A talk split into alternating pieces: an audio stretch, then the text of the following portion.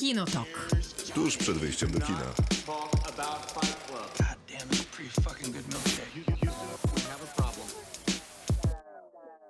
Krzysztof Majewski. Miłosława Bożek. Maciej Stasierski. W tym składzie przez dwie godziny będziemy rozmawiać o filmach i serialach, jak się pojawią jakieś dobre seriale, o których będziemy mogli porozmawiać.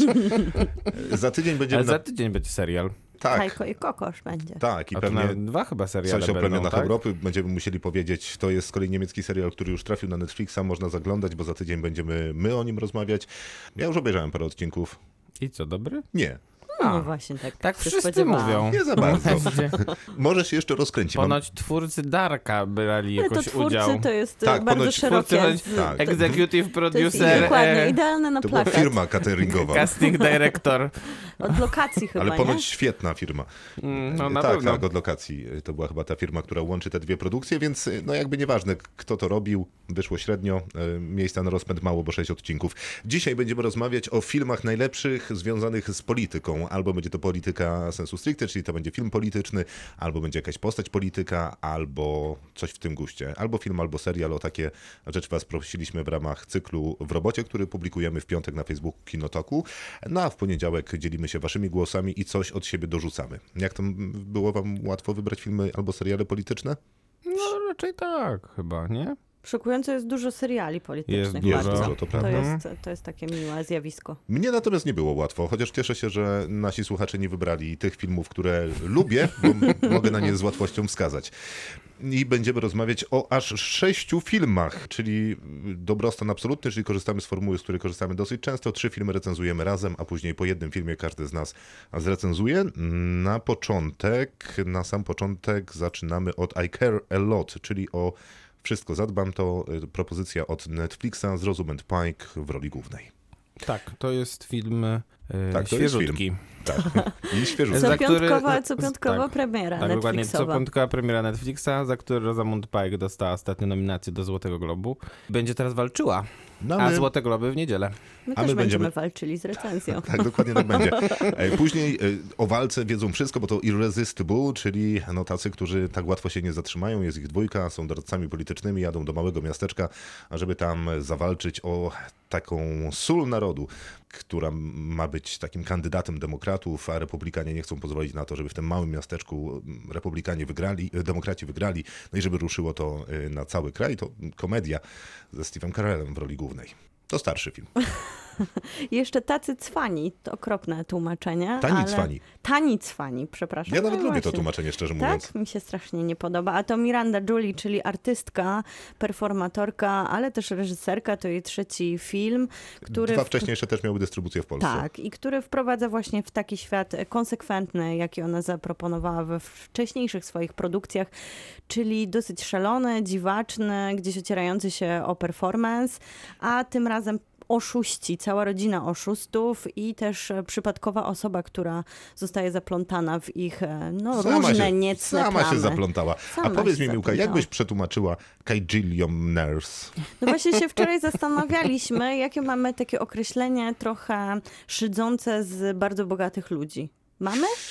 Nowobogaccy? Mm, Ale to nie, do końca to. właśnie to nie jest te takie szydzące, takie trochę z takiej... Pierdyliarderzy? No właśnie taka była pro, e, propozycja, ale nie jest to najlepszy tytuł również. Nie, nie, nie jest.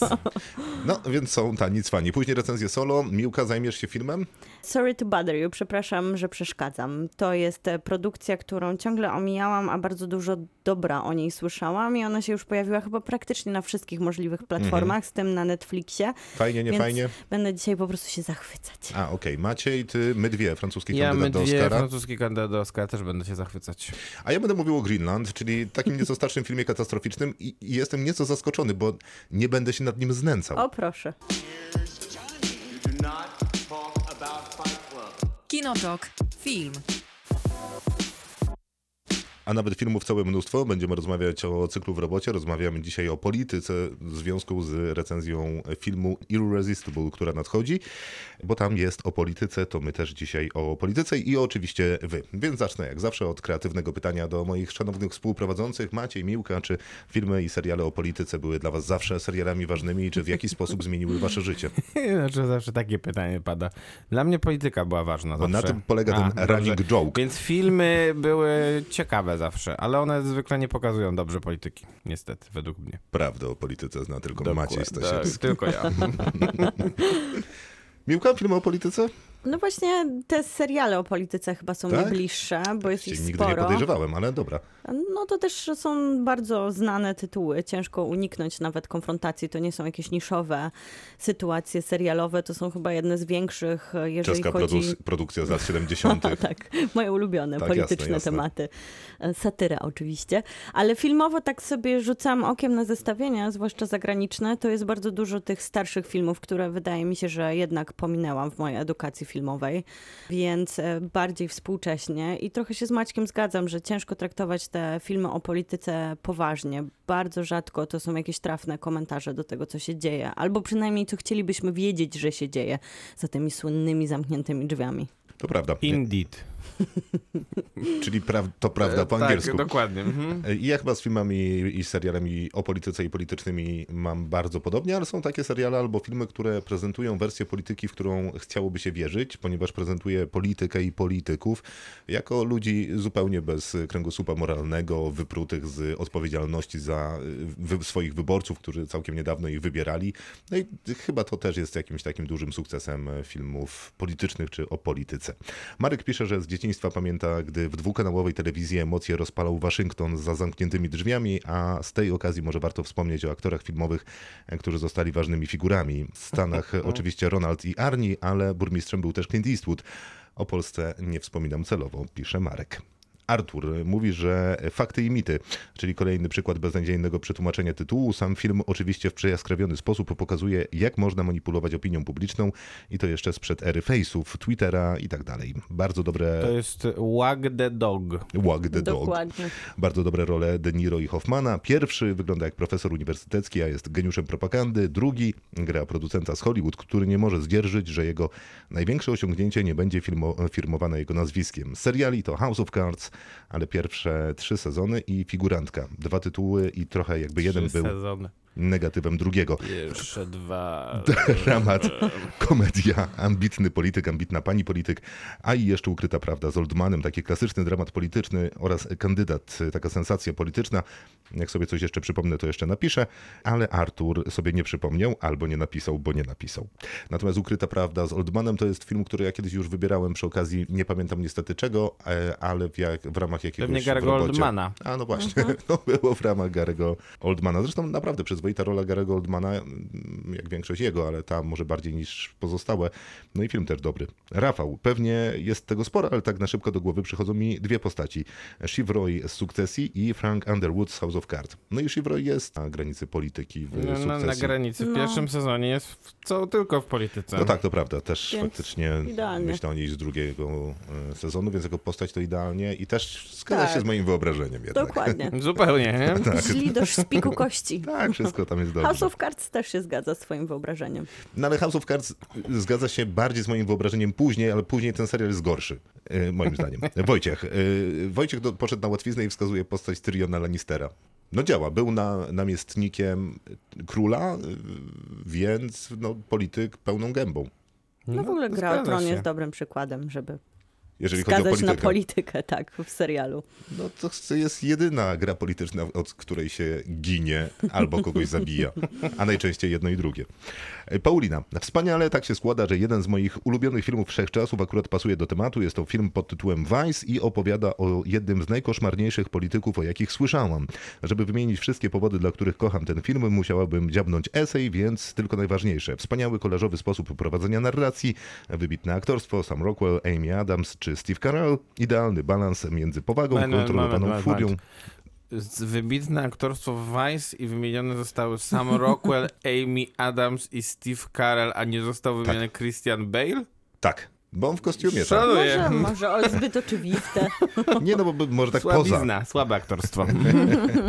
Film ten jest również cudowny i bezwstydnie lewacki, albo jak zostaje to określone w scenach po napisach, jest liberalną propagandą.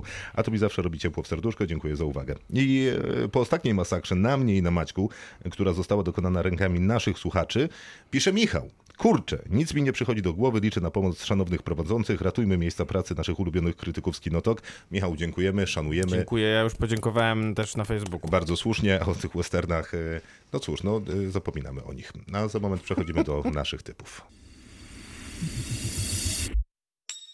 Kinotok. Tuż przed wyjściem do kina.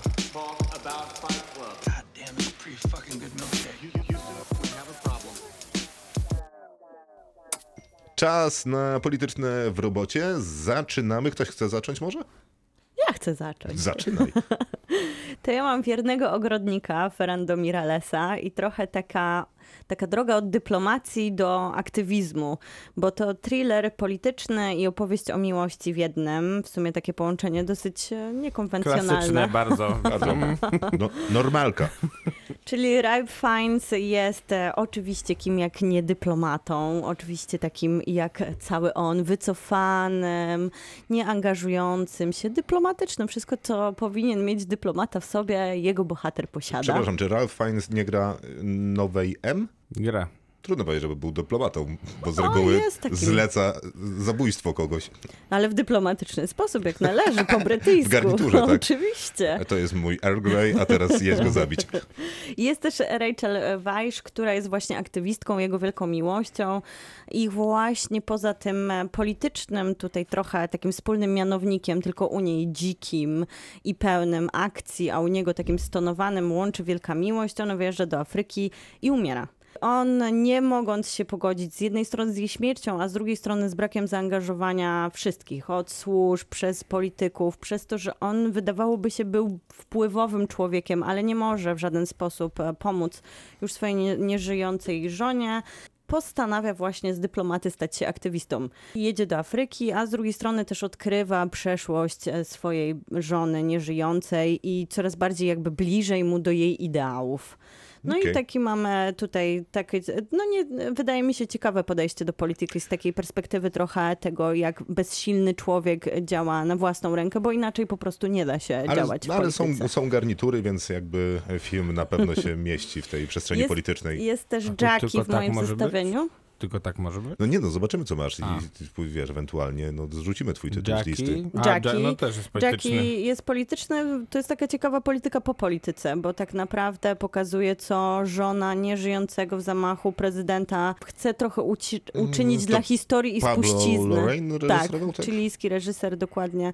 I ona jakby walczy o to, żeby jego pochówek zapisał się w historii. Bardzo jakby trzyma pieczę nad tym, żeby Tak, ten... ona walczy o ten marsz, Tak, żeby o jednak ten ten marsz. marsz się odbył i tam mówi chyba generał de Gaulle'u, że jeżeli generał de Gaulle nie chce maszerować ze mną, to może jechać w opancerzonym samochodzie, a zobaczy to cały świat i jego wyborcy. Ona też wskazuje na to, że polityka... Natalie Portman w roli Tak, Natalie Portman. Wspaniała, najlepsza jej rola. Dobra, Naprawdę, y, bardzo ciekawa rola, chociaż ona wywołała dużo kontrowersji, bo ona mówi w tam taki charakterystyczny sposób, podobnie tak jak Margaret Thatcher była Ostatnio w koronie pokazywana. w koronie Tak. przez Gillian Anderson. Gillian Anderson, dzięki.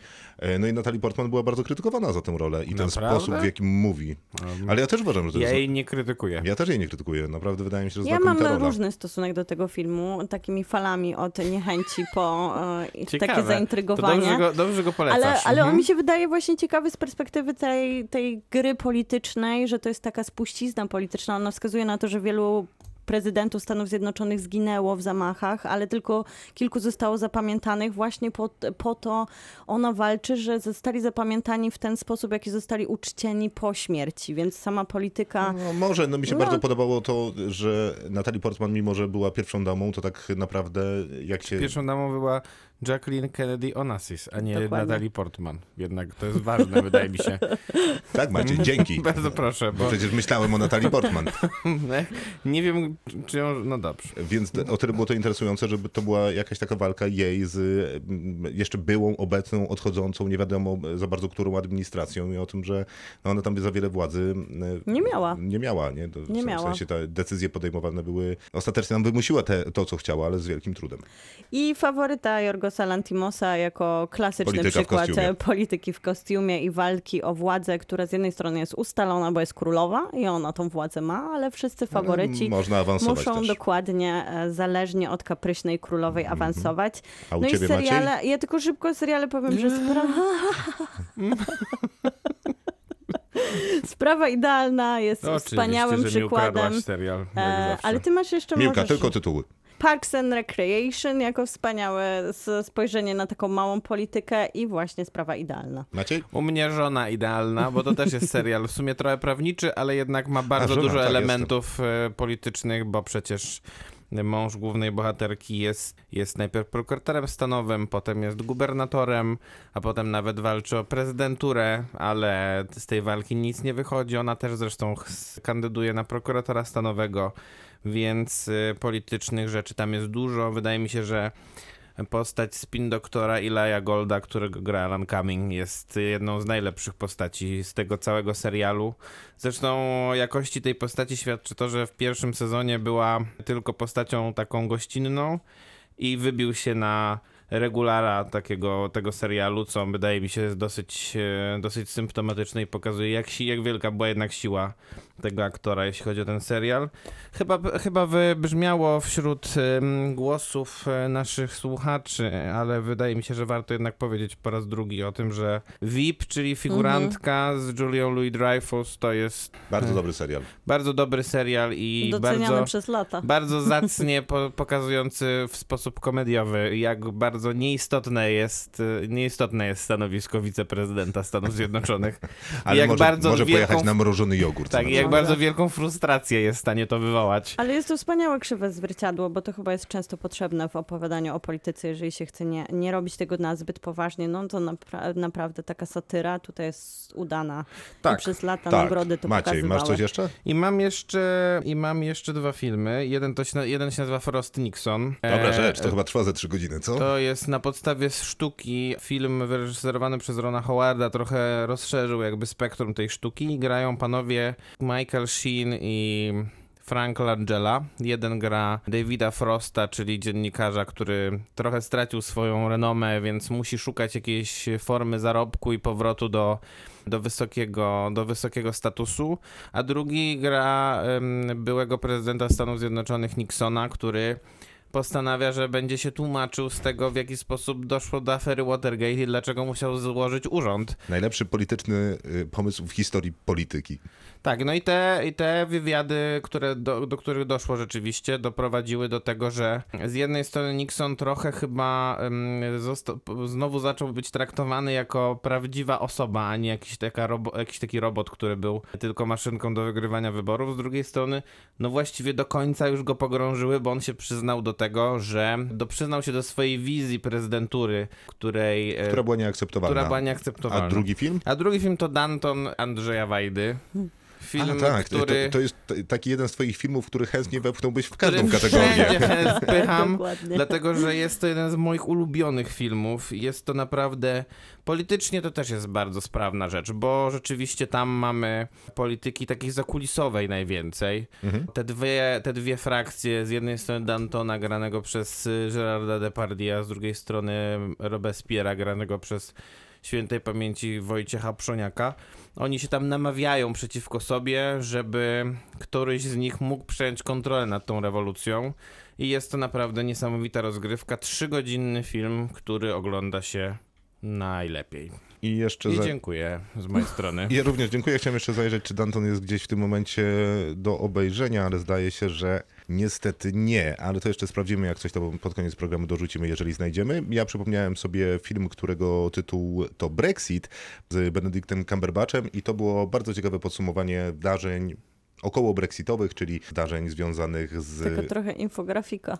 Trochę infografika, ale też jakby ciekawe podejście do polityki y, y, takie od strony sztabu wyborczego i od strony spin doktorów i całego tego, y, tej fachowej polityki przed komputerem, no a jednocześnie całkiem niezła prezentacja tego właśnie trochę tak przed, przed tablicą z wykresami, dlaczego do Brexitu doszło, a dlaczego nie i na ile to było uczciwe, a na ile nie. I ten film pewnie punktami nie jest idealny, jeżeli chodzi o tożsamość z prawdą, ale myślę, że na takim poziomie ogólnym głównym i owszem, ma rację, więc bardzo dobra rzecz. Benedict Cumberbatch bawił mnie wy- wyjątkowo w tym filmie. Wydaje mi się, że on zagrał tam prosto z planu Sherlocka, bo bardzo podobna to jest Bo rola. mógł. Bo mógł. Wszystkie te role gra tak. A drugi film Chyba. to y, Troszkę rzecz, tak. która mnie o tyle zaskoczyła, że jej nie było w naszych zestawieniach, w sensie nie naszych, co y, w zestawieniach słuchaczy, że nie wskazywali filmu Ryana Goslinga Idy Marcowe, który... Wskazywali, tylko zdjęciem. To jest film... Zdjęciem? Jo- jest, Tak. to, jest to film Plakat George'a Clooney'a. A wklejony. jak powiedziałem? Ryana Goslinga. Ryan Gosling gra w nim główną rolę. Tak, jest to Razem film z George'a George'em Clooney'a, Clooneyem. razem z George'em Clooneyem Clooney i gra. Seymourem Hoffmanem, który jest najlepszym Tak, ze spin jest. doktorów na świecie. Jest tam piękna dyskusja między nim a Ryanem Goslingiem. Jak mówi mu, że być może to już najwyższa pora to rzucić. A on mówi, dlaczego? On mówi, no wiesz, z wielu powodów, ale jednym z nich jest to, że pójdę do prywatnego sektora zarabiać 10 razy więcej niż A teraz. drugim spin doktorem jest chyba Paul Giamatti, który Tak, zresztą też jest dokładnie. bardzo dobry tam. Jest Też też jest Evan dobry. Rachel Wood, czyli link z naszym dzisiejszym filmem. Jest, ale naprawdę był, był ktoś wrzucił Idę Marcowe? Tak, tak, bo też chciałam go wrzucić i jest plakat wrzucony. No, no to trochę mi przykro, no ale co zrobić. E, e, ale z seriali... film, Ratuj się teraz. Z seriali bym dorzucił y, jeszcze The Crown, bo w sumie w wielu kategoriach można o tym serialu dyskutować, ale on przecież jest znakomity, a już zwłaszcza ostatni y, sezon, jeżeli chodzi o siły i napięcia pomiędzy pałacem a Downing Street. To jest naprawdę świetna polityczna rozgrywka i można by ten serial w zasadzie czytać tylko na tym poziomie, gdyby nie fakt, że no, on ma jeszcze wiele innych, do których można się dobrać. No ale ostatni sezon The Crown, no to jest wyjątkowo polityczny i naprawdę świetnie zrealizowany Jak się, serial. A, jak się spojrzy na Złote Globy i Mhm. nagrody Gildii Aktorów, to można byłoby pomyśleć, że w tym sezonie telewizji było tylko The Crown. No nie jest to nieuzasadnione zresztą.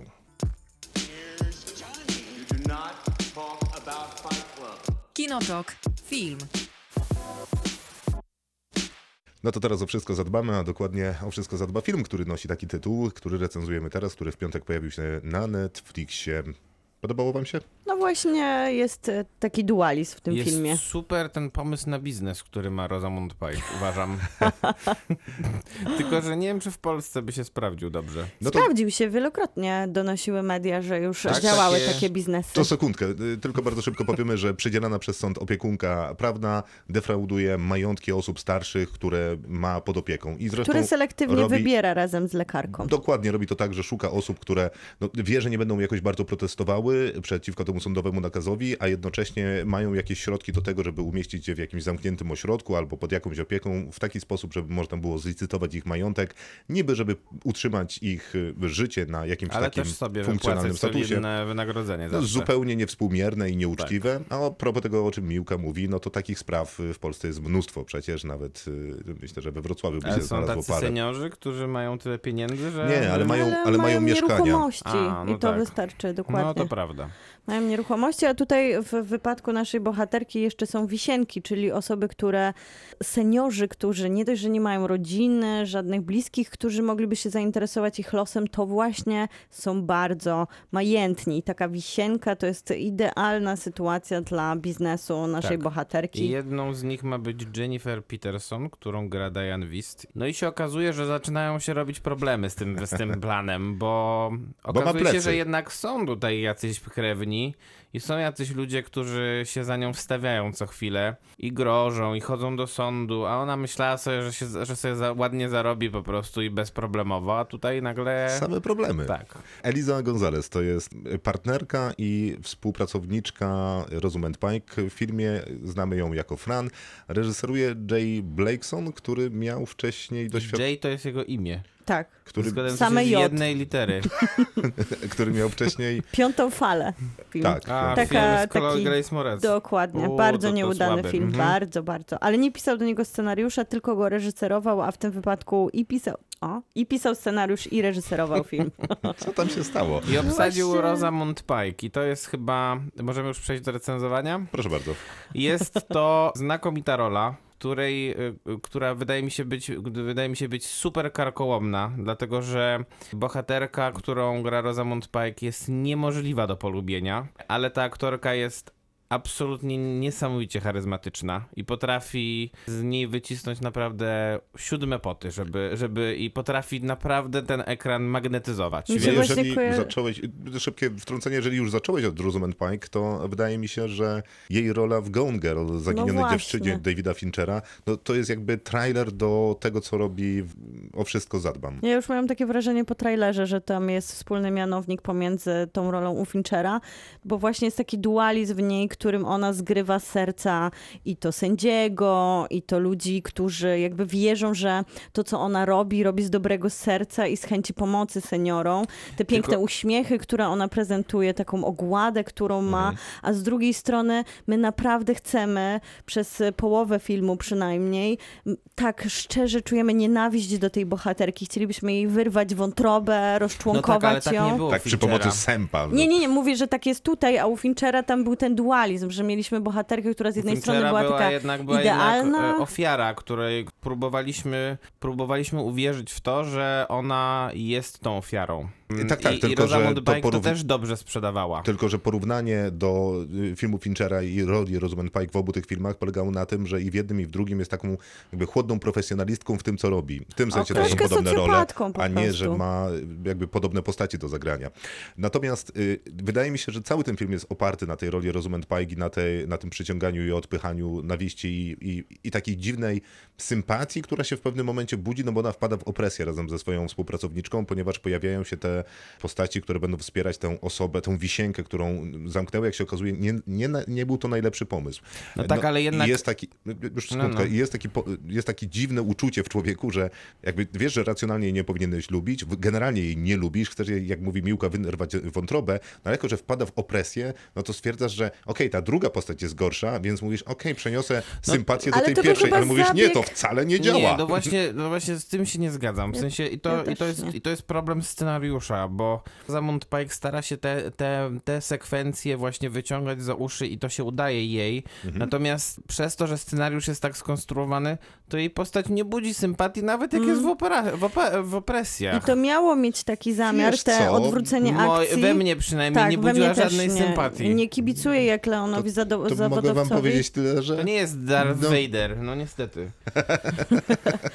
Nie, to to- nie jest Darth Vader, ale no nie no, ona budzi we mnie sympatię, tylko taką sympatię, która y, jakby konstrukt... Wynika bardziej z klasy aktora i z jego... No ale to nieważne z czego... prezencji, To nie, nie bardzo wiadomo chyba z czego wynika. No, efekt jest, To jest, taki, w to moim jest wypadku bardzo oczywiście. nieudany, ja się z, Ma- z Maćkiem zgadzam, ze scenariusz, który na początku jeszcze tak nie razi, Po- ponieważ Jest. e, bardzo, jakby bardzo mocno nas e, uderza. Z jednej strony świetna rola, która na początku tylko się opiera na tej bohaterce, więc mamy tylko film, którym oglądamy Rosamund Pike na ekranie, która niszczy starszych. Z drugiej strony super to jakby weryfikuje takie emocjonalne u nas niechęć, obawę, lęki przed starością, przed systemem, przed... obnaża jakby to, sensie ale ten w momencie... lęk jest taki sam jak zawsze, kiedy zostajesz pozbawiona jakby możliwości decydowania o sobie. Ale nie? w momencie, kiedy- Częściej w filmach nie posługiwano się domem spokojnej starości w cudzysłowie, e, tylko zakładem psychiatrycznym. No tak, Tak. i w momencie, kiedy wchodzi ten twist, który zmienia całą narrację filmu Mhm. i przerzuca ten trochę, tą satyrę, która starała się nam obnażyć system, tutaj widać takie niedostatki scenariuszowe, że nawet świetni aktorzy w momentach konfrontacji wypadają tak nieautentycznie, a wszystko, co się dzieje w tym budowaniu tempa jest nieautentyczne, sztuczne, na siłę. No bo I nawet twistu Pike tego właśnie nie jest w stanie wybronić. Właśnie problemem tego twistu jest to, że teoretycznie dostajemy do konfrontacji je- jedną aktorkę, którą już poznajemy na ekranie i wiemy, że jest w dobrej formie w tym filmie. I z drugiej strony dostajemy równie, dos równie doskonałego aktora, jakim jest Peter Dinklage. I on też powinien wypadać tak dobrze jak ona, a ona go zjada tutaj w każdej scenie na śniadanie, bo on nie ma nic napisanego ciekawego do, do zagrania. Tak, ale zdecydowanie widać, że dwoi się i troi i też wydaje mi się, że gdyby akurat to był inny aktor, nie tej klasy, co Peter Na Dinklage, pewno. To prawda. to to w ogóle y, prawdopodobnie od drugiej połowy byłoby nie do oglądania. To Bo prawda. ja przede wszystkim nie rozumiem, dlaczego jakby porzuca się ten najciekawszy element tego filmu, czyli tę zamkniętą w zakładzie dla osób starszych Diane Wist. No dokładnie. w momencie, w którym ona zostaje przeniesiona do pewnego innego miejsca, o którym nie będę mówił, bo będę zdradzał fabułę filmu, no to zapominamy o niej. I Mhm. przez dobre 40% filmu ta postać w ogóle znika, A pojawia się wszystkie gdzieś tam sceny z nią też są super przecież. Tak, bo No wszystkie one... i jakby naganiają ten ciekawy koncept, bo koncept konfrontacji postaci granej przez Rosamund Pike z postacią Peter Nie jest, No no nie nie jest ciekawy. wystarczający. Nie, nie jest niczym, jest, jest po prostu sztampą Tak, i schematem. A tutaj mamy jednak konfrontację z, teoretycznie z człowiekiem, który zostaje z- w szoku zamknięty, a ona, powiedziałbym, no, w sposób e, do, dosyć drastyczny reaguje na, te swoje, I- na, te, i na tą tutaj- swoją sytuację. Ona za każdym razem zaskakuje Rosamund Pike, w przeciwieństwie do właśnie Dinklage'a, który jest takim klasycznym wilynem. Ale E, też jest, to właśnie nie jest raczej, chyba klasycznym niestety. wilinem, Nie, no bo jest jest trochę takim kuriozum No to- to- to- e, to- komiksowym. nie, nie, To są tacy jest. wilini. Wiadomo, No ale, i właśnie ale... dlatego jest klasyczny, bo zachow- y, każda jego decyzja jest głupia. W sensie No, niepraktyczna, tak, tak. niemożliwa. Tylko Rosamund Pike jakoś tam, no, nie, nie wiem czy jej wybory są logiczne, ale chociaż konsekwentne. Ale to ma nawet sens, e, te jego złe decyzje w konfrontacji z tym, że jego, że, że nasza ta trzecia bohaterka jest zamknięta w zakładzie i faktycznie tam siła, którą można zaprezentować, czy inne różne kontakty nie są w stanie jakby poradzić sobie z tym systemowym zaplątaniem w z jednej strony biurokrację, z drugiej strony Znaczy, to, że nie ja jest wiem. to teren dla prze, Mamy- przemocy i gangu. I to jest nawet ciekawe, ale właśnie tak jak mówisz, w momencie, kiedy opuszczamy tę, tę Znaczy, to jest taką o tyle nieciekawe, jeżeli możemy zostać przy tym jeszcze na sekundę, że też mi się wydaje takie umiarkowanie możliwe. No, bo czy to naprawdę tak jest, że sąd orzeka bez Absurdalne, stawiennictwa, to jest absurdalne. e, przyjeżdża losowa kobieta, Nie, no daje tak- jeden nie, dokument no ten i licytuje sędzia- ci dom. Przecież ten sędzia wyglądał tak, jakby on dostawał najwięcej łapówki z tego, a tutaj nic o tym nie ma. On, on, on się tutaj, to, oni to oni teoretycznie tworzą jakąś postać jakiegoś sędziego, który, no tak, on wierzy we wszystko, co ta kobieta mówi. Ale tak, to a, jedno, jest a, jedno, a jednocześnie tych ofiar tego procederu Rosamund Pike było już kilkadziesiąt, to przecież to można pozew zbiorowy zbudować o to. No, Przepraszam, ale jakby ten sędzia poszedł do tego jej biura i zobaczył tej, tej, Tablicę. tej ścianę, to by tak sobie pomyślał, i to do ja do tego doprowadziłem? No ale, Serio? Za, za ale tak małą łapówkę? jest zatrudniony super, super drogi prawnik, który powinien tą sytuację Który rozbyć nie, ma od żad... razu. który nie ma żadnego prawnego I, I argumentu. się dzieje to tak absurdalnie, Absurdalnie dalej ta też, sytuacja no. w sądzie, w której jednak pieniądze powinny zapewnić i wiem, że raczej w systemie Oczywiście. każdym, a zwłaszcza amerykańskim, powinny zapewnić Właśnie, przychylny Rosamund wyrok. Pike miała mniej pieniędzy, więc powinna przegrać. Koniec, kropka. Natomiast e, ym, wydaje mi się, że finał jest e, bardzo satysfakcjonujący i jest jak być... e, Ale bolesna jest, bolesna proszę. jest ta przeprawa do tego finału. z drugiej strony ten finał jest tak z sześć razy together. Też, bo ten film się trochę zaczyna, to się parę razy się ten film kończy. On się moim Wydawało zdaniem się, zaczyna kończyć od momentu, w którym...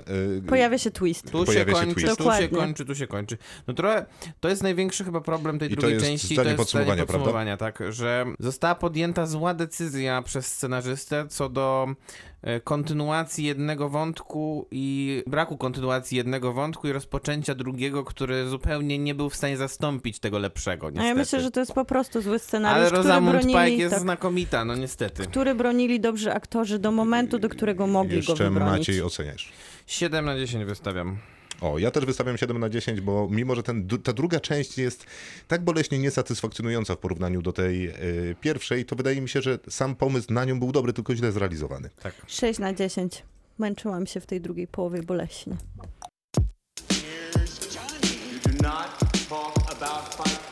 Kinotok. Film. Czas na kolejną recenzję kolejnego filmu. Dzisiaj tych recenzji jeszcze parę przed nami, bo pięć. Kolejnym filmem jest Irresistible, czyli nasz powód dzisiejszego politycznego w robocie. Tak, i jest to film um, Johna Stewarta, pana, którego znamy z tego, że prowadził przez kilkanaście dobrych lat The Daily Show w Comedy Central. To jest, to był taki codzienny program dotyczący aktualnych wydarzeń politycznych, oczywiście w wersji komediowej. I to jest jego drugi film, który wyreżyserował i tym razem zabrał się teoretycznie za rzecz, która powinna być mu bliska, bo zabrał się za komedię, która miałaby, wy, miałaby wyśmiewać sposób prowadzenia kampanii wyborczych w Stanach Zjednoczonych. No i dobrał sobie też solidnych współpracowników, bo No. e, z jednej strony jest Steve Carell, który gra tutaj główną rolę takiego stratega demok- e, ze strony Partii Demokratycznej. Z drugiej strony jego rywalkę gra Rose Byrne, a, a we wszystkim tym jest i Chris Cooper, który jest kandydatem na burmistrza, jego córka, którą gra Mackenzie Davis.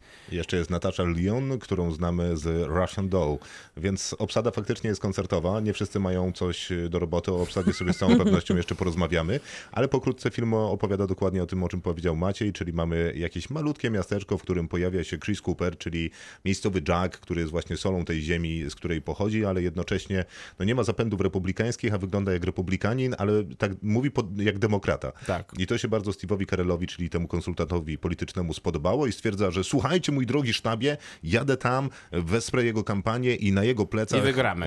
wygramy całe wybory w, całe, w całym Szczeg- państwie. Szczególnie, że muszą się odkuć, bo to jest tuż po porażce Hillary Clinton w 2016 roku, więc Partia Demokratyczna potrzebuje jakiegoś takiego zwycięstwa, żeby wzmocnić morale przed kolejnymi wyborami. Tak jest. No i Steve Carell zabiera swoje e, waszyngtońskie standardy do tej małej mieściny, no i tam się oczywiście obraża na wszystko, a szybko do tej mieściny dołącza Rose Byrne, czyli jego przeciwniczka, czyli dokładna odpowiedniczka m, lustro z partii republikańskiej, no i zaczynają się wybory. No Rose Byrne gra takie negatywne wybory, starając, y, znaczy może też pozytywne, bo starając się wzmocnić e, obecnego burmistrza, natomiast Steve Carell próbuje wypromować tego nowego burmistrza. Miasteczko jest trudne dla demokratów, ponieważ zawsze wygrywali w nim republikanie, no i na samym początku te sondaże pokazują chyba jakieś taką różnicę Duża 74 różnica. czy 84 do 16 na rzecz tego A e, potem się zaczyna obecnego. zrównywać, zrównywać i już jesteśmy prawie przy remisie. Tak jest. No i ten wasz, waszyngtoński, prosto ze stolicy Steve Carell, który trafia do tego małego miasteczka, przyjeżdża z takimi przeświadczeniami i to mnie dosyć bawi, bo tam się pojawia taka pierwsza plansza, chyba w ogóle jedyna w, w, w filmie, kiedy on dojeżdża do tego miasteczka, to pojawia się Rural America, czyli powiedzmy no, ta wiejska y, Ameryka. I to jest dosyć ciekawe, bo faktycznie można by tak myśleć o demokratach i pewnie też o polskich partiach politycznych, że wyobrażenie tego, tej przestrzeni poza dużymi miastami to jest takie, ach, wsi spokojna, wsi wesoła. Tak, tylko że- Ale to jest pretensjonalne Tylko, że to jest bardzo i ważne. stereotypowe Tylko, że to jest bardzo No ważne. nie, no ale to, to się przecież nabija, nabija z tego No stereotypu. właśnie- Nie, nie, ale to jest bardzo się ważne z jednego powodu, dlatego że kiedyś Partia Demokratyczna, to chyba trzeba to, to mały kontekst taki historyczno-polityczny wprowadzić. Kiedyś Partia Demokratyczna jednak miała swoich wyborców w tej, w tej takiej agrarnej Ameryce, bo przecież Bill Clinton był gubernatorem stanu Arkan- Arkansas, czyli Mhm. na pewno nie stanu, który jest kojarzony z tym, że z niego wychodzą elity waszyngtońskie. W pewnym momencie, jak, jak Partia Demokratyczna odeszła od takich swoich standardów i przeszła w, do tego takiego bardzo mocnego, centrowego, wall streetowego establishmentu, to tacy ludzie jak, jak mieszkańcy tego miasteczka przestali w ogóle na nią głosować.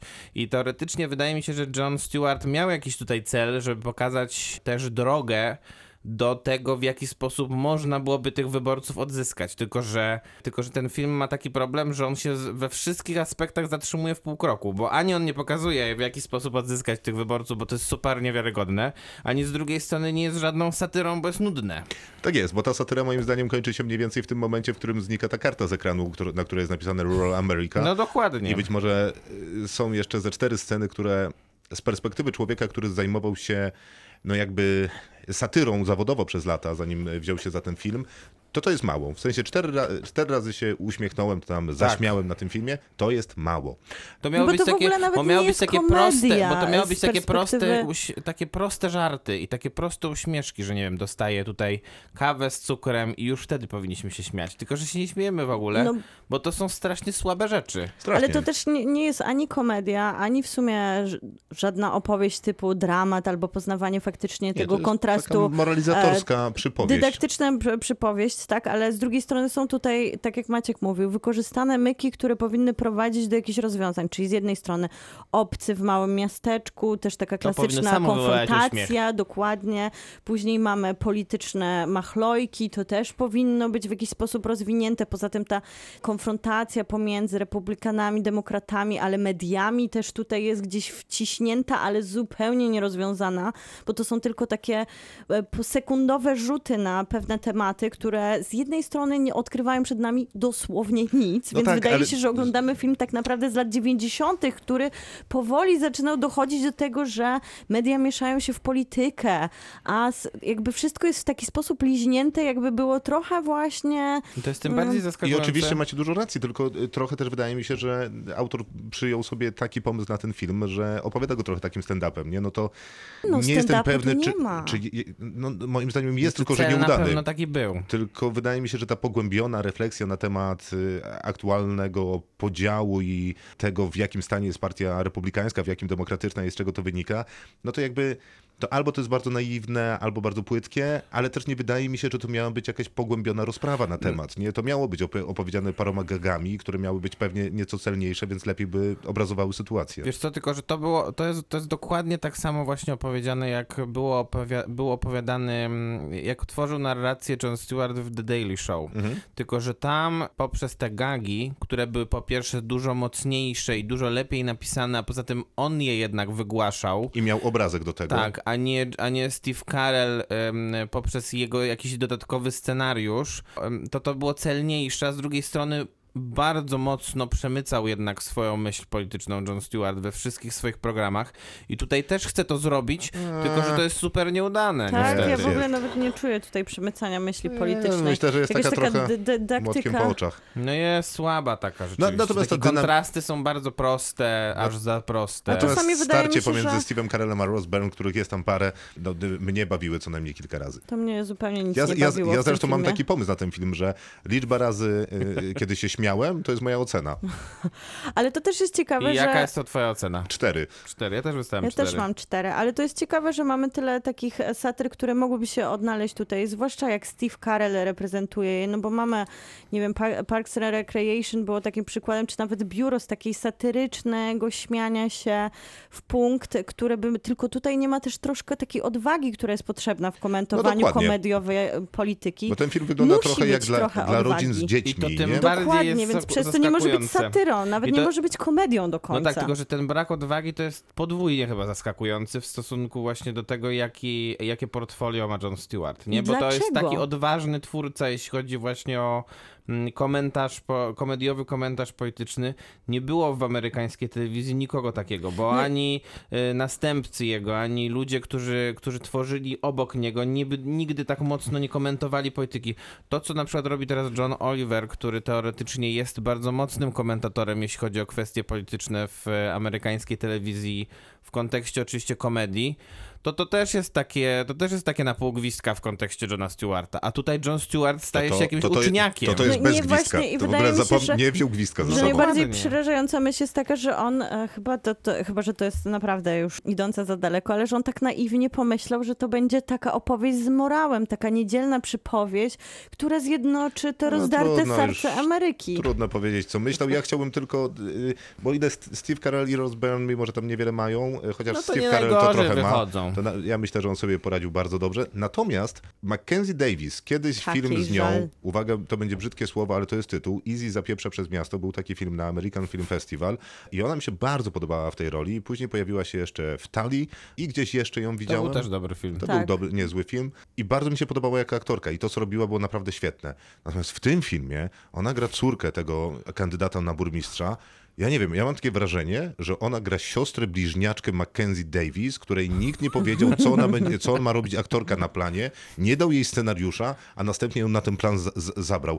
To było smutne. To jest idealne porównanie z tym filmem, gdzie ona ma taką punkową rolę, w sensie, gdzie gra Easy, Mhm. w tym takim no bardzo małym, niezależnym kinie, a tutaj jest jak z Dr. Queen, jak z farmy jakiejś, z lat 90. z telewizji. Dlatego ja miałam takie przerażające wrażenie, że to jest polityka z telewizji z mojego dzieciństwa, gdzie bohaterowie odgrywają właśnie taką, taką farmę, która zjednoczy serce dużego miasta, nawet te najbardziej rozdarte i bardzo mi też e, przy, podpisuje się pod tym żal Mackenzie Davis i jej roli, bo Steve Carell to jest Steve'em Carellem. To On, już, to, to już nieważne, się, on i już tak sobie przecież poradzi. już Zresztą Rose Byrne też sobie poradzi. Dokładnie. Natomiast Wiadomo. Mackenzie Davis, nie wiem, czy to jest skreśli karierę, bo to chyba za mały film. Cooper na sobie za, poradzić z za film sytuacją. niezauważony zupełnie, na szczęście dla niej. Też, no a my zauważyliśmy, tacy jesteśmy i wszyscy wystawiliśmy 4 na 10, przypominam. You do not talk about Fight Club. Kinotok. Film. Czas na trzecią recenzję dzisiejszego wieczoru, którą recenzujemy wspólnie. Później będą recenzje solowe. Teraz Tani Cwani. Tani Cwani, czyli Tani Mira- Cwani. Tani Cwani. Miranda Julie, czyli pisarka, artystka wizualna i tak naprawdę chyba to najbardziej widać w jej, jej filmach, że ona się zajmuje bardziej sztuką, a filmy są takim dużym realizowanym performa- performancem dla niej.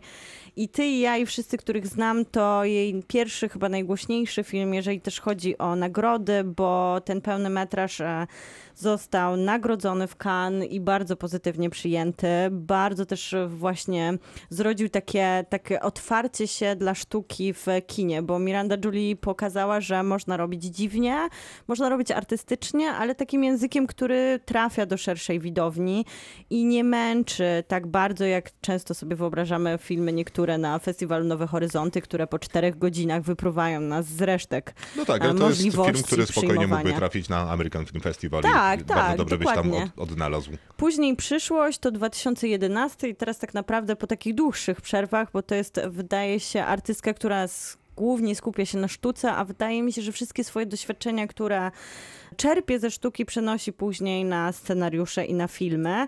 I tutaj jej najnowszy film jest tak naprawdę z jednej strony opowieścią taką mocno trudną, to wiwisekcja patologicznej rodziny lekko socjopatycznej, którą swoją córkę... Lekko socjopatycznej. socjopatycznej, patologicznych relacji między rodzicami a ich już dorosłą córką, 26-letnią córką.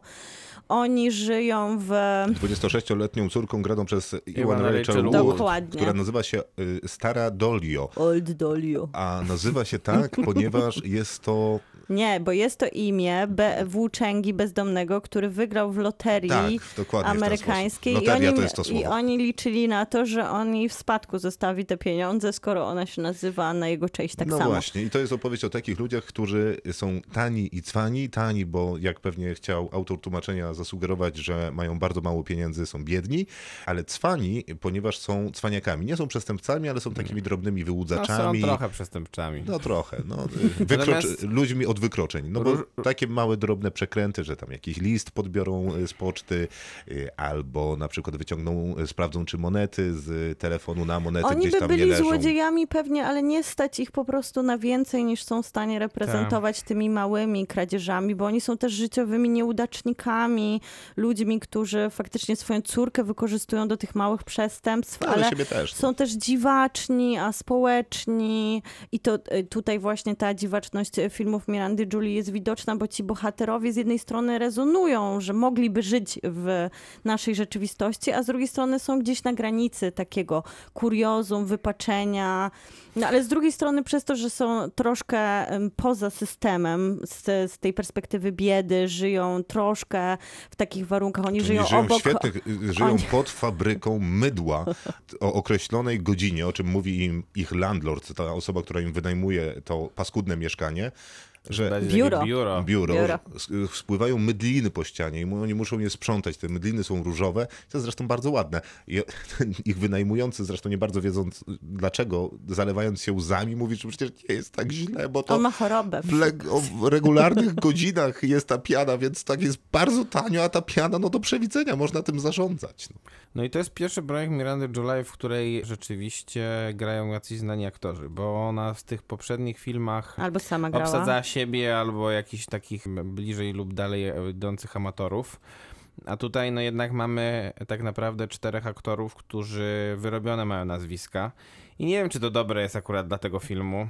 Abstrahując od tego, że generalnie ten film mi się nie za bardzo podobał, ale, ale w, było, było jakaś taka, była jakaś taka naturalność, coś inspirującego w samej postaci tej Mirandy July, a tutaj mamy tą Evan Rachel Wood, którą znamy z Westworldu, Deborah Winger znaną z miliona filmów, Richard Jenkins, też. tak, z, z dwóch milionów i jeszcze Gina Rodriguez, która jest znana z tego serialu Jane the Virgin. Więc trochę się patrzy bardziej już nie na postaci, które wymyśliła Miranda July, tylko na e, aktorów, których ona ubrała w, w Swoje jakieś takie pomysły. swoje pomysły. I to już nie do końca tak dobrze działa, wydaje mi się, w tym filmie. Chociaż z drugiej strony oczywiście są tam takie momenty, gdzie ta dziwność jest w pewnym sensie inspirująca i ciekawa, ale z drugiej strony ja byłem bardziej jednak zmęczony niż, niż na przykład przeszłością, która mi się bardzo podobała. No, dla mnie jest inspirujące to, jak można właśnie połączyć taką brutalną opowieść o relacjach rodzinnych, o takiej wiwisekcji, samotności i cierpienia, które niosą, niosą za sobą no, nasze więzy rodzinne i ich konsekwencje, połączyć to z taką właśnie cukierkowością, którą Miranda Julie zawsze była w stanie nam zapewnić w swoich filmach, bo ona operuje takim językiem sztuki właśnie, który zmiękcza wszystko, troszkę głaska nas, jest jak ta różowa piana z mydła, która o konkretnych godzinach właśnie tak trochę nas obejmuje. I z jednej strony ta wiwisekcja, która się wydaje mi się inspiruje mocno ustawieniami hellingorowskimi, które gdzieś tu się pojawiają nawet, że nasza bohaterka chodzi na takie zajęcia, gdzie są ustawieni, są ustawiani ludzie w perspektywie właśnie siebie i powrotu do dzieciństwa, to zwykle jest odgrywane przez role, które są nadawane nam w takich ustawieniach, nie są tym, kim, jakby my nie gramy siebie, zawsze gramy kogoś o, o, z naszej rodziny albo kogoś z przeszłości. Trochę tak traktuję tych aktorów, którzy odgrywają tą opowieść, e, która wydawałaby się dosyć banalna i wręcz taka naiwno-tandetna, że miłość zasklepia wszystkie rany, nawet Mm. te najpoważniejsze, te, które są nam zadane wręcz od naszego urodzenia, były zadawane naszej bohaterce cały czas, ale jakaś taka lekkość ma i w pisaniu Miranda Julie, i w pokazywaniu tym obrazem takim bardzo artystycznym, że ta naiwność tak naprawdę zupełnie tutaj działa autentycznie i daje taką całkiem spójną opowieść. I to łączenie artyzmu pomiędzy językiem filmowym, który jej się tutaj naprawdę nieźle udaje, bo to jest spójna opowieść i jak najbardziej dziwaczna i przerywana takimi rzeczami, które nie mieszczą się w normalnych scenariuszach, to zamyka się w całkiem piękną opowieść o przełamywaniu swojej przyszłości. Tak to można czytać, albo można to czytać w inny sposób, czyli na przykład jako bzdurę roku, bo kiedy oglądałem ten film, to mniej więcej takie miałem uczucia i to jest ten przykład, kiedy jeżeli ktoś zrobi dziwaczny film, w który nawpycha dużo takich rzeczy, które są nieoczywiste, które są sztuką, które, którą ktoś powie, to jest sztuka konceptualna, ona wymaga dopowiedzenia, tylko tutaj dopowiedzenia nie ma, w zasadzie jest w stanie załatać każdą dziurę taką y, techniczno-formalną. Jakby może wyrzucić do kubła scenariusz, a później powiedzieć, że tu są takie trzy punkty, jeżeli te trzy punkty połączysz, to z tego będzie kwiatek, a ten kwiatek symbolizuje e, miłość, a miłość y, jest rodziną, a jego te płatki to są kolejne, kolejni bohaterowie tego filmu, czy cokolwiek tam innego powie. No więc z jednej strony można by ten film tak potraktować i on tak trochę na mnie działa, bo pomiędzy mną a nim jest ściana zbrojona i jeszcze dwa bunkry po drodze. Natomiast rozumiem, że ten film można kupić właśnie na takim trochę poziomie jak sztukę konceptualną. Można przyjść, popatrzeć na niego i powiedzieć, okej, to do mnie jakoś tam przemawia, trochę do mnie, na mnie działa. Co prawda to jest tylko wieszak w pustym pokoju, ale rozumiem, był tu jakiś koncept. Ja tego konceptu nie widzę, zakładam, że może tam być. Więc Ale nie, je- bo to brzmi jakby Aha. ten film nie miał treści. Jakbyś oglądał rzeczy, które są, co się czasami zdarza w takich filmach No artystycznych, przez pierwszą wrzuconymi... część trochę nie ma treści, wydaje Ale, mi ale to nie można go potraktować jako takie etiudalne, wrzucone symboliczne, łopatologiczne mówienie sztuką do widza, bo to jednak do jest momentu, opowieść. kiedy. No, y, może i No tak, ale z jednej strony opowieść, do no. momentu, kiedy nie poznają bohaterowie tej czwartej bohaterki graną, granej przez Ginę Rodriguez, to to są jednak etiudy trochę. To są jednak takie etiudy od, od zbierania mydlin do zbierania mydlin. Od jednego skakania wokół kamienia przy poczcie od, od, do drugiego. No i od zakładania jednej kamery na poczcie dodatkowej do drugiej. No i... Ale one się nic łączą ciekawego później w, tam nie ma. One się łączą później w całość jako opowieść trochę o tej bohaterce, której na początku nie wiemy jakby To- to do prawda. czego Może i tak, tro- tylko że z drugiej strony można byłoby to szybciej prowadzi. doprowadzić no do właśnie, tego te dwie prawdopodobnie. godziny skakania wokół kamienia jakby nie są niezbędne do tego. Y, Chociaż, no tak jak mówię, no ja rozumiem, że można na to popatrzeć i stwierdzić, no to jest estetyczne, te mydliny są ładne, jest tam jakaś taka choreografia ruchu, to jest nawet takie ciekawe, jak oni się tam gną, żeby przejść niezauważeni obok tego swojego wynajmującego im te pomieszczenia. Y, Natomiast, no nie, no to zupełnie nie jest jakaś ani moja estetyka, ani moja wrażliwość, czy jak to należałoby powiedzieć, no w sensie ten film śpiewa zupełnie fałszywą nutę dla mnie. Ja nawet uroniłam niejedną łzę i dosłownie przy- poczułam się. No to dobrze, przejęta no. tą historią e, rodzinną i opowiadaniem właśnie o takich mocnych patologiach, które myślę, że mają bardzo spore zakorzenienie w rzeczywistości, jeżeli chodzi o Ja relacje nie wiem, czy rodzinne. ten film akurat chciał mieć coś wspólnego z rzeczywistością. I wystawiasz temu filmowi 8, 8 na na 10, 10 wystawiam, oczywiście. tak. Hmm, Wiadomo, może tak się stanie. No więc ja miałem taki problem, bo nie wiedziałem, czy mam go próbować oceniać tak jakoś w miarę obiektywnie, czy po sobie, ale skoro jest tu taki wybór, że jednak oceniamy po sobie, no to ja mu dam 2 na 10. Dwa. Ja daję 5. Ze względu na to, że po prostu dobrze się, ak- na tych aktorów się dobrze patrzy z drugiej bardzo strony. się, bardzo dobrze grają I Evan wszyscy. Rachel Wood jest bardzo dobra w tej, e, jakby w, w bardzo tym, dziwnym w, scenariuszu, w tym dziwnym scenariuszu jest, jest Na- dobrze wstawiona w tą, w Na tą, w tą pewno, układankę. Aktorom nie można, świetna. nie można odmówić, że realizują jakieś założenia Zadanie, tego filmu. tak. No, Ciekawe właśnie, wygl- ciekawe, naj- najciekawsze jest to, jak wyglądało to, jak Miranda July opowiada swoim aktorom, co mają grać. Wydaje mi się, że to jest... ja jestem że przekonany, jest że dużo ona, że dużo ona grała. być może od tego filmu. Że ona Nie, grała ja to, co myślę- chciała, chciałaby, żeby y, zagrać. I to nie jest żart jakiś. No w sensie wydaje mi się, że to jest metoda.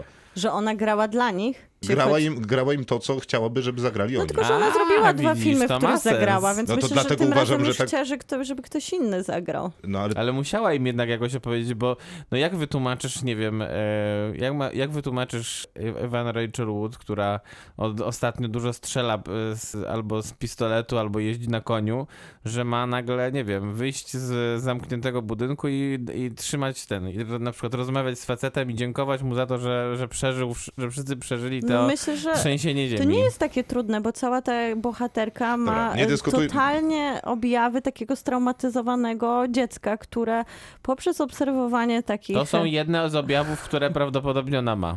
można ten film kupić, tego się będę trzymał, albo Można można nie. go nie bo kupić. on ma pewne przecież podobieństwa chociażby do Kła Lantimosa, zwłaszcza w tych pierwszych scenach i wtedy myślałem, że się polubimy. Później I się się nie okazało, polubiliście że jednak. jednak... A widziałeś wcześniejsze jednak się nie filmy Nie, nie, nie Julie? widziałem, A, nie no to, bo to, to A gdybym widział, to Nie, 10 nie, nie, nie. 10. Nie, Myślę, bo ja że widziałem też by ci i, się nie i też mi się nie podobało. podobało. Więc Aha, myślę, że to jest okej. raczej z nią jest taka relacja A miłość podobała albo mi się nienawiść. przyszłość na przykład, przeszłość. Kinotok. Film. Przepraszam, że przeszkadzam. To twój film, Miłka, prawda? Tak, przepraszam, że przeszkadzam. Okrzyknięty rewelacją i to już dawno temu, bo 2018 roku w Sundance. Ale dalej rewelacja. Dalej rewelacja. Debiutancki film em, rapera, który no z jednej strony jak się go sprawdzi, to tak dużo nie zarapował. W sensie to nie jest jakiś słynny raper amerykański, Ma jeden kawałek na swoim, na swoim koncie. ale taki Może punkowy, to jest Tupac zaangażowany. Shakur, tylko po prostu ukrywa się pod nowym, prawda, ten, wstał z grobu i... Nazywa się Boots Yo. Riley No i i tak naprawdę jest takim raperem, który jest zaangażowany. Boots się nazywa? Boots. Czy bak? Okej. D- I by o od. Ale słuchajcie, muszę zrobić recenzję, zanim Dajesz, będziemy rób, gadać. rób, rób. O. I on już zawsze był zaangażowany, zaangażowany w swojej muzyce, można powiedzieć, że taki trochę socjalista, komunista z jego rapów. I podobnie trochę jest, jeżeli chodzi o jego debiut, bo jest to film bardzo, bardzo zaangażowany. Satyra praktycznie na wszystko, jeżeli spojrzeć na nasz system od konsumpcjonizmu po współczesny rasizm, klasowość, ale w taki bardzo błyskotliwy i świeży sposób, bo wydaje się, że to jest już temat przerabiany na bardzo wiele możliwych języków filmowych, ale super chyba jest y, przykładem do tego Jordan Peele, który świetnie pokazał to w Uciekaj, że można opowiadać o rasizmie w sposób, który nie jest nachalny, nie jest prost i jeszcze pokazać, że rozumie się kino i potrafi się nim bawić. I dokładnie tak jest, e, przepraszam, że przeszkadzam, bo z jednej strony mamy tutaj spory element komedii i jest naprawdę zabawnie. Mamy spory element takiego twista, który przełamuje tą satyryczność na współczesne niewolnictwo zwłaszcza. I dostajemy po prostu taką jazdę bez trzymanki. Jest to super, że w żaden sposób nigdzie nie został zespoilerowany ten film, a dzisiaj naprawdę przeszukałam cały internet. I ta opowieść, która jest nam podawana w trailerze, czyli faktycznie o czym jest film, jego bohater jest człowiekiem, który zatrudnia się w telemarketingu i nie odnosi jakichś szczególnych sukcesów, dopóki nie dostaje złotej rady, by przybrać głos białego, a jest czarny. Wow, to I trochę ten- jak Black Klansman. Dokładnie, i to też jest po, prawdziwa historia przy okazji. I ten głos białego daje mu, otwiera mu wrota do świetlanej przyszłości zbudowanej na dolarach amerykańskich, a mamy wielki kryzys, bo to jest taki trochę świat obok tego, co się działo w 2008 w Stanach Zjednoczonych, taka trochę, takie trochę spostrzeżenie na taką niby naszą rzeczywistość, ale jednak dużo bardziej ograniczoną materialnie, gdzie w światach korporacji proponuje się już pracownikom łóżka i jedzenie i zakwaterowanie za pracę, czyli współczesne niewolnictwo. No i on dostaje się do wyższych sfer, gdzie i tak tylko może uży, użyczać, mówić do ludzi swoim białym głosem. I to jest to, co wiemy i ja więcej też nikomu nie powiem, co się dzieje, ale zupełnie punkowa, świeża, ale taka inteligentna i błyskotliwa satyra, która w pewnym momencie zamienia się w zupełnie inny gatunek filmowy, więc śmieszy, bawi, jest przepięknie Uczy. Jeszcze bawi zrealizowana. przestrasza. I przestrasza, tak, przestrasza. Szok jest świetnie za, zrealizowana i też zebrała takich naprawdę młodych aktorów, którzy od Atlanty, bo to główny bohater, czyli Lucky Stanfield, ale mamy też Tessę Thompson, która wspaniale, e, wspaniale tutaj zagrała i Armiego Hammera, zanim jeszcze nie został zwolniony z Ze Hollywood. wszystkich, tak, dokładnie. I który ma tutaj świetną też rolę, e, która e, zrobi z jego takiego demonicznego CEO, co znamy niby Mm. zewsząd, Demoniczny ale Armie Hammer, ciekawe. tutaj, tutaj zupełnie ogrywa siebie i swoje możliwości. Jest to też wizualnie Chcesz mi powiedzieć, że podane. Armie Hammer jest dobry w tym filmie? Tak. Okej. To jaka ocena? To jest 9 na 10. Ty lubisz te wysokie oceny, co? Ja też Ale lubię to jest naprawdę czasem. dobry film. Okej, I no naprawdę świetnie. polecam, żeby się zaskoczyć e, tym twistem, który tam czeka. Nie tak jak w I Care A Lot. To ja jestem, dobrze, jestem przekonany.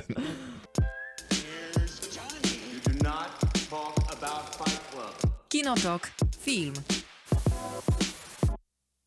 No to teraz porozmawiamy sobie o filmie, który pasuje bardzo dobrze do otaczającej nas rzeczywistości. Kryzys klimatyczny, pandemia, Ja zima chciałam na początek zadać zimna. pytanie. I film nazywa się Greenland. Co to za pytanie? No dlaczego?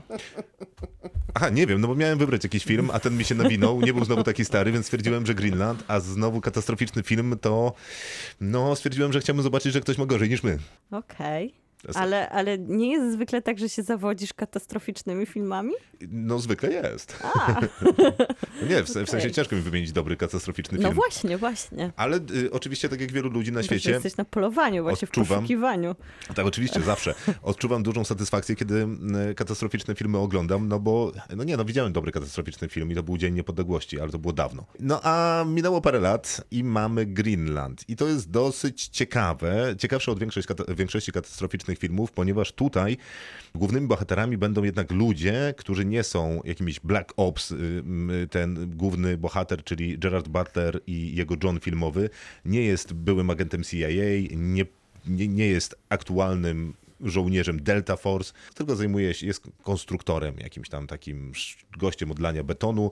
Ma też żonę Morenę Bakarin, która będzie mu asystować przez większość filmu, a zaczyna się tak, że dostaje na jakimś takim sympatycznym grillu ze znajomymi na takich miłych przedmieściach amerykańskich. Oni wpadli do nich do domu, jest grill, dostają SMS-a, że Właściciel tego telefonu został wyznaczony do tego, żeby przenieść się do schronu. No i w telewizji akurat pada, pokazują, pokazywane były informacje o tym, że meteor przelatujący obok Ziemi najprawdopodobniej jej nie trafi, ale jest super blisko. No i niestety to nie, najprawdopodobniej zamieniło się w na pewno trafi, no i zaczynają spadać odłamki tego meteoru w kolejne punkty Ziemi. Jakże oryginalnie, jakby ktoś sobie przypomniał 2012 rok. katastrofa. Ale całkiem ciekawie rozegrany jest ten moment, w którym e, on dostaje tego SMS-a, a wszyscy jego najbliżsi znajomi, którzy są e, w okolicy, nie dostają takiej informacji. No więc on w jakiś sposób musi zabrać swoją rodzinę, spakować w samochód i przenieść się do schronu. No to mu się udaje, no tam ta część ludzi, która tego SMS-a nie dostaje, no nie za bardzo na to reaguje. No i tutaj zaczyna się taka dobra historia. Wydaje mi się, że to jest dosyć autentyczne, przynajmniej na tyle wiarygodne, że ja w to wierzę. Że kiedy trafiają do jakiegoś punktu, y, do tego schronu, gdzie mają zostać sprawdzeni, wpuszczeni albo nie wpuszczeni, to jest tam mnóstwo innych ludzi, jest kolejka, chaos, adrenalina, ludzie są przerażeni. No i ten Gerald Butler i jego rodzina też jest przerażona, no więc nie udaje, udaje im się wejść do tego schronu, później się coś dzieje, jest kolejne, kolejne zdarzenia, rodzina się rozdziela, nie wiadomo gdzie jest matka, gdzie jest dziecko, gdzie jest ten Gerard Butler, wszyscy są gdzieś indziej, no i obserwujemy ich losy, a te losy polegają na tym, że no w jakiś sposób mają trafić z powrotem do tego schronu. Każdy z nich ma taką specjalną opaskę, która go uprawnia do wejścia do schronu. No i dzieją się rzeczy różne, bardziej i mniej dramatyczne. Nie jest to drogi film, więc no nie ma tutaj Ronalda Emericha i wybuchającego po prostu wszystkiego co 5 metrów. E, No ale odpowiedni taki katastrofalny nastrój jest stworzony. No i nawet takie proste starcia Geralda Butlera z ludźmi, którzy chcą go okraść z tej opaski są dosyć satysfakcjonujące w tym sensie, no że to nie jest Karate Kid, gdzie on tam po prostu roznosi na strzępy 10 atakujących, tylko sobie no radzi tak jak może, no czyli tam się leje na oklep, no i jakoś to idzie i podobnie jest z jego żoną, ona też walczy na tyle na ile może, raczej prostymi środkami.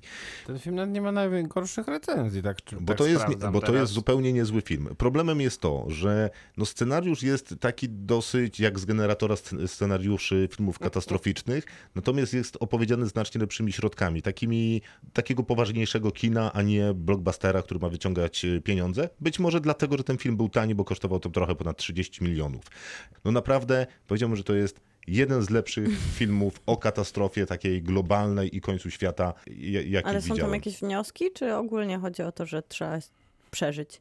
No nie, no nie ma tutaj wniosków, nikt nie mówi, e, nie, nikt nie zajmuje się jakimiś współczesnymi tematami, nikt nie mówi o partii republikańskiej ani o demokratach, było nikt dziwne nie pytanie, mówi dziwne. o kryzysie No ale wiesz, klimatycznym, kryzys mówi o tym, że leci klimatyczny, meteoryt, ziemia. który macie rozwalić na strzępy. Wydaje mi się, że to jest wystarczająco duży e, kryzys. Jest to kryzys wystarczający. Wystawiasz ocenę jakąś. Tak, to jest 7 na 10. No proszę. Wow, Wow? wow. Chyba, że obejrzę. Przecież nawet nie widziałaś. Not Kinotok. Film. No i ostatnia dzisiaj recenzja szósta. Maciej, zamykaj to. My dwie, francuski kandydat do Oscara dla najlepszego filmu nieanglojęzycznego, A nawet międzynarodowego. międzynarodowego, przepraszam, to jest propozycja, którą można byłoby porównać trochę do kina Michaela Haneke, bo sytuacja jest taka, że mamy dwie kobiety już po siedemdziesiątce, które, które łączy bardzo bliska relacja. Generalnie są, są, są sąsiadkami, ale, ale żyją tak naprawdę razem. No i żadne nie chciała sprzedać mieszkania po prostu Dokładnie. Już teraz planują sprzedać to mieszkanie, chcą się wynieść obydwie do Rzymu, czyli miasta, w którym się spotkały po raz pierwszy. Natomiast jedna z nich ulega udarowi, traci możliwość mówienia przez jakiś czas, tylko i wyłącznie może się poruszać o, na wózku, później o lasce, potrzebuje, potrzebuje stałej pomocy, jest sparaliżowana z jednej strony w całości. No i sytuacja jest o tyle problematyczna, że przez to, że ta relacja była nieoficjalna i nie była ujawniona też przez tę bohaterkę, która, która ma teraz zdrowotne problemy z jej rodzinie, no to ta rodzina tak naprawdę odbiera tej drugiej możliwość dostępu do niej. To, to doprowadza do wielu różnych sytuacji. Film jest, film jest fantastyczny, naprawdę. Jest to debiut fabularny jest to niezwykle dojrzałe kino. Naprawdę porównanie z tym Haneke e, nie tylko wynika z tego, że miłość rzeczywiście jest w podobnym klimacie robiona, bo rzeczywiście fabularnie ona jest bardzo, bardzo, ba, bardzo inspirowana, wydaje mi się. Inspiruje się tutaj reżyser miłością bo tam przecież mamy też parę bohaterów, którzy, z którego jedna z nich też ulega chyba udarowi, z tego co pamiętam. No, staje się albo ewentualnie E, zawał. tak. E, Czyli taka opowieść o y, małe życia, wielkie sprawy? Dokładnie i problem, e, jakby tutaj, tutaj jest więcej dramatu związanego z tym, że rzeczywiście ten dostęp tej zdrowej bohaterki do tej, do swojej partnerki utrudniony jest zarówno przez, przez sytuację, jak i przez rodzinę, która nie chce się pogodzić, bo w pewnym momencie rodzina się dowiaduje em, o tym, jaka łączy ich relacja, ale dziecko, córka i syn, e, oczywiście już dorośli ludzie, nie chcą się pogodzić z tym. Jest to naprawdę przejmujący film i świetnie opowiedziany i co najważniejsze, nie szantażujący widza emocjonalnie, tylko pokazujący naprawdę realne uczucia. Pomiędzy tymi bohaterkami jest niesamowicie dużo właśnie takich, takich poruszających scen. Grająca tą, tą zdrową bohaterkę Ninę Barbara Sukowa jest absolutnie rewelacyjna. Myślę, że myślę, że gdyby to był film nie po francusku, tylko tylko, tylko nagra... I tylko grałaby ją Meryl Streep, to by- nominowana to by- byłaby do Oscara. Nie nominowana, tylko pewnie dostała już go, już teraz, by go Teraz. dostała, zanim jeszcze są nominacje ogłoszone. Tak jest. Więc naprawdę bardzo polecam. Myślę, że myślę, że ten film, jeżeli by na przykład trafił do kina jeszcze w międzyczasie, to może, może, może warto byłoby go obejrzeć na dużym ekranie. Natomiast jest do nadrobienia na wielu platformach streamingowych teraz. No i jest bardzo duża szansa, że będzie nominowany do Oscara, bo do tej piątki powinien się dostać i wtedy tym bardziej trzeba będzie go obejrzeć, bo to jest wspaniały film. A może- Naprawdę. Się skończy tak, że po prostu tego Oscara dostanie. Miejmy nadzieję, że przynajmniej do tej piątki dojdzie i to jest dla mnie też 9 na 10. No i świetnie. E, I to też jest wszystko od nas e, na dzisiaj. Bardzo serdecznie dziękujemy i przypominamy o paru istotnych sprawach. Po pierwsze, w piątek pojawia się cykl w robocie na Kinotok Podcast na Facebooku. Po drugie, istnieje Kinotok Podcast jako podcast. W wtorki pojawia się podcast. On jest na Spotify'u i wszędzie tam, gdzie można słuchać podcastów. Bardzo by było miło, gdybyście kliknęli subskrybuj na Spotify'u. To I powiedzieli swoim przyjaciołom, rodzinie, wszystkim bliskim, ale czasem nawet możecie przekazać to pani w sklepie. Przypadkowym albo, ludziom tak, na ulicy. podzielić się tym, że jest taki świetny podcast, zaprosić Oczywiście z zachowaniem dystansu. ludzi. Proszę ich gonić jak z ktoś- zachowaniem dystansu dwumetrowym Tak, i w tak. maseczce i krzyczeć, że kino to podcast. Niech klika na Jak telefonie. ktoś was zapyta na przykład, czy lepsza jest biała czy czerwona cebula, to możecie przy okazji powiedzieć im, że, że jest też Kinotok i tam Naturalnie. recenzujemy dobre i słabe filmy Jak i dobre i słabe pyta, seriale. Jaki jest wasz ulubiony przepis, to powiedzcie. Że Kinotok, Tak oczywiście. jest, Mhm. tak, tak. Jak ktoś was spyta o jakąś afiliację polityczną, to też powiedzcie, że Kinotok Podcast to też was uchroni od wielu Na odpowiedzi na nieprzyjemnych pytania. Dokładnie, dokładnie. sytuacji. Tak, A ta tak, cebula mi się najbardziej podoba jednak. tak. Mi, mi, mi się podobało, że użyłem słowa afiliację, dawno, Brawo, nie, brawo, dawno nie ładnie. używałem. A teraz za, za drugim jest. razem już źle go użyłeś Tak, chyba. tak, to niestety. E, to wszystko na dzisiaj. Krzysztof Majewski. Miłosława Bożek. Maciej Stasierski, dobranoc. Kinotok. Tuż przed wyjściem do kina.